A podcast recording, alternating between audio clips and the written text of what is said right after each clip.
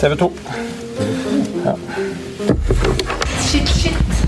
Så vi må ned på Oslo fengsel med Koko. Jeg har jo også overfor han gitt uh, klart uttrykk uh, for mitt syn. Uh, men samtidig så har jeg jo sagt at statistisk sett så skjer ikke dette. Man, man blir ikke løslatt i en sak som, som dette. Rekker jeg å tisse, eller? Nei, nei, nei. Drapssikta Tom Hagen blir løslatt fra varetektsfengsling. Med tredagersskjegg og en oppkneppa skjorte gikk Tom Hagen ut av Oslo fengsel med en svart søppelsekk hengende over skulderen. Han satte seg i den sølvgrå Audien til advokat Svein Holden og kjørte av gårde som en fri mann. Men han er fremdeles siktet for drap eller medvirkning til drap på kona si, Anne-Elisabeth Hagen. Mens Tom Hagen skal ta hverdagen tilbake, fortsetter etterforskningen mot ham. Dramaet er ikke over. Jeg heter Øystein Milli, og du hører på tredje episode av Lørenskog-saken.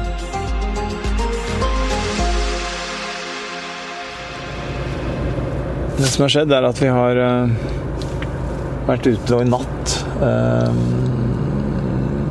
oppdaga en det vi trodde var en politiaksjon, og som nå har fått bekrefta at er det. Og at politiet har uh, kanskje da i den, i den uh, aksjonen pågrepet en mann til. En medvirker eller medhjelper. uten at vi veit akkurat nå hva siktelsen er. Men det sier seg jo sjøl at dette er jo en dramatisk omdreining. Tom Hagen løslatt, kanskje overraskende for politiet. Så går det bare noen timer. Politiet tar grep og pågriper da en ny mann. Politiet jobber på spreng i dagene og timene etter at nederlaget i lagmannsretten er et faktum. Det fremstår som maktpåliggende at mannen i 30-årene, kryptoeksperten, ikke får snakke med Tom Hagen før han har avgitt nye politiforklaringer. I det øyeblikket politiet innser at Hagen kommer til å bli løslatt, besluttes det at mannen, som både har høy IT-kompetanse og god kjennskap til kryptovaluta, skal pågripes. Politiet går til aksjon. Hei, du. Hei, du. Så jeg snakka med Andreas. Andreas er også nordlyset. Ja. Og vi har funnet bildene. Ja. Eh, og så skjønte jeg at eh, Tore var litt inni at man liksom vurderte litt om han skulle vente litt med bildet. Ja, ok. okay. Men, men, men i saken så skjønner jeg at man, har, man skriver jo i saken at VG har selv observert. Vi gjør det, ja. ja jeg, må få, jeg skal få oppdatert meg på det når jeg bare kommer eh, dit, så jeg er oppdatert på det, men det er greit. Og siden vi gjør det, da kan jo du beskrive. Ja. Da blir dette veldig, veldig mye bedre. ja. Det gjør det. Fint, Øystein. Det er bra. Jeg, eh, vi kjører på. Vi kjører på. Fint, det. Hei. Hei. Politiet mener kryptoeksperten har en relasjon til Hagen. Det snakkes om at de i flere møter skal ha diskutert muligheten for å gjøre forretninger sammen. Og det er selvsagt ikke ulovlig. Men politiet mener det er mer. At de begge på en eller annen måte har roller i Lisbeths forsvinning. Kryptoeksperten siktes, som Tom Hagen, for drap eller medvirkning til drap. Han nekter straffskyld, rystet over de alvorlige anklagene. Når han møter til et nytt avhør, etter to dager i politiets varetekt, er noe plutselig skjedd. Politiet har endret siktelsen. Nå er anklagene om drap borte. Han er i stedet siktet for frihetsberøvelse eller medvirkning til dette. Også det nekter han straffskyld for. Men hva betyr dette? Vi merket oss at forsvareren han sa på spørsmål om hvorfor siktelsen var endret. Vet ikke, det handler vel om forsett og grad av skyld, da. Merk deg ordene forsett og grad av skyld. Det kan litt oversatt bety hva du forstår eller burde forstått. Endringen av siktelsen betyr trolig at politiet har fått informasjon som kaster nytt lys over den rollen de hevder kryptoeksperten har hatt. Mener etterforskerne at han har vært en del av, eller har hatt grunn til å tro at han har vært del av, en bortføring og ikke et drap? Er politiets oppfatning at han har blitt lurt inn i noe han ikke helt forsto? Spørsmålene er mange. Uansett, han nekter altså straffskyld også for den nye siktelsen. Fors forsvareren hans ser ikke at det er grunnlag for den. Samtidig er Tom Hagen fortsatt siktet for drap eller medvirkning til drap. Han kommer nå. Kommer nå. Kommer nå. Stille deg i midten her, så skal vi holde, holde avstand. du kan gå rundt her. De er på. De er på. Hvis vi prøver å holde litt avstand, så er det litt Da, stå, da står vi sånn her sant? Ja, ok. Er du overraska over eh, utfallet på kjennelsen? Jeg er vel egentlig ikke veldig overrasket. Forsvareren til Tom Hagen, Svein Holden, er en av Norges mest profilerte advokater. Sammen med daværende statsadvokat Inga Beyer Eng gjennomførte han en av norgeshistoriens mest krevende rettssaker mot Anders Behring Breivik. Han er høyt respektert på begge sider av rettssalen, både som tidligere politiadvokat og statsadvokat. Nå er han altså forsvarer. Han kan spillet, han kjenner strafferettens mange irrganger. Holden er på fornavn med klienten sin, Tom Hagen. Så nå gleder jeg meg til å gå og snakke med han. Svein Holden har gått fra å være familiens bistandsadvokat til Tom Hagens forsvarer. Holden vet hvordan man skal angripe påtalemyndighetens argumentasjon. Og det, det gjorde han. Bevisene som ble presentert, holdt ikke til varetekt. Politiet kalte nederlaget noe overraskende. Vi andre bruker andre ord. Et sjokk. Et jordskjelv for politiet. Selvsagt kan politiet ha andre og bedre kort på hånda. Likevel, i en så stor sak, med så mye prestisje, og hvor anklagene er så alvorlige, og med et så massivt medietrykk Når du pågriper ektemannen etter 18 måneder, ja, da nærmest må bevisene holde til varetektsfengsling. Men Holden plukket det han kalte syltynne bevis fra hverandre. Hvordan skal vi tolke det? Jeg tror ikke politiet har lagt frem bevis som knytter Tom Hagen til Sloraveien på det tidspunktet Lisbeth forsvant. Dermed kan det ha vært vanskelig for dommerne å se for seg at han har drept henne. Så var det denne kryptovalutakompetansen, da. Den har han jo ifølge flere vitner ikke. Hva slags bilde forelå da? En mann som ikke kunne ha drept henne, og som ikke kunne stå bak dette kryptorigget. Kan han være skyldig? To av dommerne i lagmannsretten mente nei. Nå skal vi jobbe enda mer og bedre med saken. Vi fikk flerfoldige tusen ukjente sider i fanget for en uke siden. Vi har ikke rukket å komme gjennom en brøkdel. Eh, Holden har helt siden Tom Hagen ble pågrepet, vært veldig kritisk til politiets arbeid og fremgangsmåte. Det jeg først og fremst er betenkt over, er at eh, politiet velger å gå til pågripelse på et så magert grunnlag. Det, det gjør meg betenkt. Han kan ikke fortelle noe om bevisene han har sett påtalemyndigheten legge frem. Da politiet fremstilte Hagen for varetektsfengsling, måtte han selv tidvis forlate rettssalen. Hagen fikk ikke høre alt om hvilke bevis politiet la frem mot ham. Det fikk derimot Holden, mot at han signerte en taushetserklæring. Nei, det, Jeg har fortsatt eh, mottatt dokumentene mot taushetsplikt, og, og, da er jeg avskåret fra å gå inn på detaljer. Men det overordnede, som da lagmannsretten er enig i, er at dette er ikke skjellig grunn til mistanke. Tom Hagen slapp ut etter ti netter i Oslo fengsel. Første, første gang jeg eh, traff han etter han kom på cella, så, spurte jeg ok, hvordan er det du har, har det, Tom? Og og da sa han at du må huske seg at jeg er ikke vant til så mye. Jeg er en enkel mann, så dette, dette rommet er helt, helt greit. Slik jeg kjenner han, så kommer han nok raskt over eh, i sporet og, og tenker fremover. Eh, hva skjer med saken nå? Og, og håpe da at politiet nå klarer å løse saken. Da Tom Hagen satt i varetekt, jobbet politiet på spreng rundt eiendommene hans og på arbeidsplassen hans. De lette etter og sikret spor. Men Holden forteller at Hagen er lite bekymret for at de kommer til å finne bevis mot ham. Slik jeg oppfattet han, så har han egentlig aldri vært så urolig for seg selv og hvordan folk har oppfattet han. Han har gjentatte ganger sagt eh, til meg at uh, jeg, jeg, er jo uskyldig, og det, det, Så det kommer ikke til å finnes noen bevis mot meg, og politiet kommer, kommer, kommer til å skjønne at det er ikke jeg som har gjort dette. Så jeg tror nok at politiet opplevde at de ble avbrutt i sitt arbeid da Hagen ble løslatt fra varetekt. Når vi ser politiet, hvordan de, politiet holder på, på, på i Sloraveien, er det naturlig da å flytte hjem? Jeg tror Tom Hagen er glad i hjemmet sitt, så det forventer jeg. Men eh, jeg regner med at han har eh, Vi får diskutere med politiet hva slags behov de har. og Han har jo tidligere ved flere anledninger eh, sluppet politiet inn i hjemmet sitt for å la de gjøre det de måtte ønske, så det kommer han sikkert til å gjøre.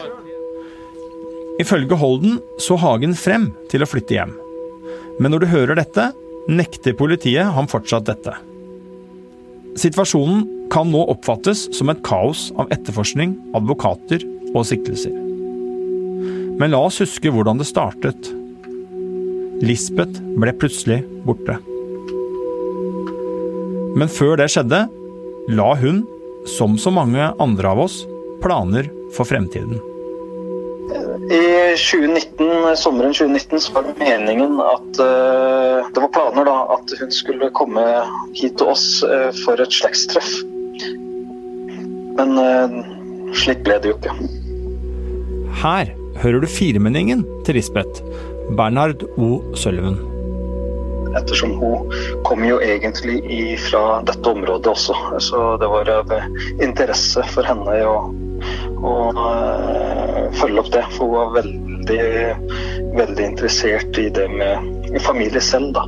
Og hun uh, var veldig ivrig på det å, å, komme på nytt i kontakt med familien. For sist hun var her oppe, så var hun 16 år. Så det er jo mange, mange år siden sist hun hadde tatt turen hit opp for å treffe familie. Så dette var liksom året da, for at hun skulle ta turen på nytt. Og det var jo ikke bare, var ikke bare dem. Vi er jo vi er i familie med Bjarne Brøndbo og, og, hele liksom, den slekta der, så det var liksom så Det blei litt mer ut av det, så det blei litt artig. Eh, og, og på grunn av det, så når det blei artig, så bare fortsatte man. Og, og det var liksom noe som hun også syntes var artig. Og det var sånn vi liksom fikk den kontakten, da. Så vi hadde en, eh, en, eh, en gjensidig interesse, da. Så det var gøy. Lisbeth fikk aldri dratt på noe slektstreff. Jeg var hjemme hos Tom i Sloraveien eh, mandag 29. på kvelden. Og traff Skulle ha et møte med Tom. Og da var Tom og Lisbeth der hjemme. Så Lisbeth eh, serverte kaffe og kaker, og jeg fikk te med honning. Det er den siste kvelden Lisbeth tilbringer hjemmet sitt gjennom mer enn 30 år, huset i Sloraveien 4. Ja, jeg heter eh, Glenn Hartmann Hansen. Jobbet for Tom Hagen i 25 år. Og eh, kjenner Tom og Lisbeth godt. Sluttet der for drøyt to år siden. Etter et langt og hyggelig arbeidsliv. Hvordan var stemningen der? Kom inn døra, så virka alt normalt. Tom og jeg satte oss inn i den TV-stua innerst. Og Lisbeth Kom innom et par ganger og lurte på om vi skulle ha noe mer. Og alt virket eh, normalt, og det virka ryddig og ordentlig i huset. Jeg la ikke merke til noe unormalt. Verken på Tom eller Lisbeth eller i huset. I hvilken sammenhenger traff du henne? Jeg traff eh, Lisbeth eh, både på jobb, altså kontoret. Eh, hun kom jo innom kanelboller noen ganger. Hun ringte meg på forhånd og lurte på når vi var samlet alle sammen. Så da kom hun innom med kanelboller og så ja, andre type ting hvis vi skulle ha litt felles lunsj. Så hun var på en måte det sosiale på kontoret. Uh, og så traff jeg Lisbeth uh, noen ganger hjemme i Sloraveien. I forbindelse med at jeg hadde møte med Tom. Og så var vi på litt sosiale arrangementer sammen i jobbsammenheng. Uh, enten det var julebord eller noen julelunsjer. Og så har vi vært et par turer i utlandet med Venezia og Roma, også i jobbsammenheng. Dagen etter at Hartmann Hansen var på besøk, ble ekteparet invitert ut av et vennepar på restaurant og teater. Det regner og er småsludd i lufta når forestillingen er over i halv elleve-tiden. De to ekteparene tar hver sin taxi hjem. Tom og Lisbeth drar til Sloraveien. Politiet mener dette er den siste kjøreturen mens hun er i live. Ja, jeg har snakket mye med han de siste dagene. og og jeg kan jo kanskje referere fra en samtale i går med han, som eh, jeg tenker sier mye om hvilket fokus han har. Eh, for da sa han eh, at han ikke var veldig bekymret for hvordan saken mot han kom til å ende. Fordi han, som han selv sa til meg, jeg er jo uskyldig, så jeg vet jo at politiet ikke kommer til å finne noe bevis mot meg. Men det han virkelig var bekymret for, og som vi snakket mye om i går, var hva, hva er det som kommer til å skje når politiet skjønner at jeg er uskyldig? Har de da brukt så mye tid på meg og sløst bort tid på å se nærmere på meg at eh, de ikke vil være i stand til å oppklare saken og finne Anne-Elisabeth.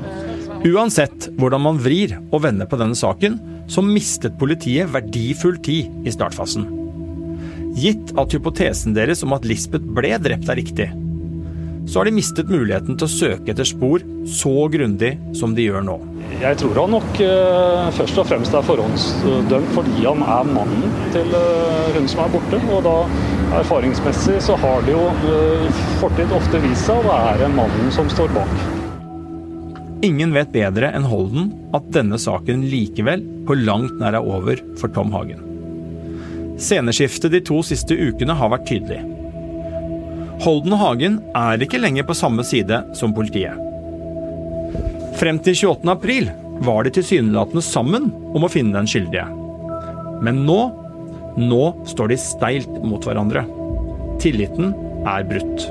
Det er klart bli kasta på glattcelle, fratatt belte eh, og må, sitte der for en 70 år gammel mann, eh, det, er, eh, det har vært en tøff, tøff uke for Tom Hagen.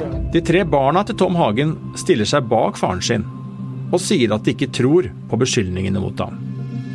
Flertallet i retten mener at bevisene politiet har lagt fram, ikke er sterke nok til å si at det er skjellig grunn til mistanke. Med andre ord To av tre dommere i lagmannsretten mener det er mer sannsynlig at Tom Hagen er uskyldig enn motsatt. Og politiets nedtur stoppet ikke med løslatelsen fra retten. Politiet ønsket nemlig å pågripe Tom Hagen igjen idet han forlot Oslo fengsel. Men statsadvokaten stoppet dem. Hva skjer nå? Hvordan vil dette ende? Vi vet virkelig ikke. Ingen vet. Men vi vet at vi skal fortelle deg alt. Politiet bruker fortsatt store ressurser, all spisskompetanse og de skarpeste hodene i flere avdelinger i Kripos. Norsk politi har fått bistand fra eksperter i utlandet. Det er flere måter å vurdere det som nå skjer på. At to personer er siktet, ja, det er en form for gjennombrudd. At ingen av dem sitter fengslet, kan fortelle om en sak som står svakt. Samtidig sier politiet at de ikke utelukker nye pågripelser. Det eneste vi kan lese ut av det, er at det minst er én ukjent person der ute som politiet fortsatt interesserer seg for. Hvem er det de nå jakter på? All journalistikk knyttet til denne saken er jobbet frem av Hanna Haug Grøseth, Morten Hopperstad, Ådne Husby Sandnes, Gordon Andersen, Bjørnar Tommelstad og meg. Podkastserien er laget av Emilie Hall Torp, Kristine Hellesland og meg, Øystein Millie. Teknisk ansvarlig er Magne Antonsen.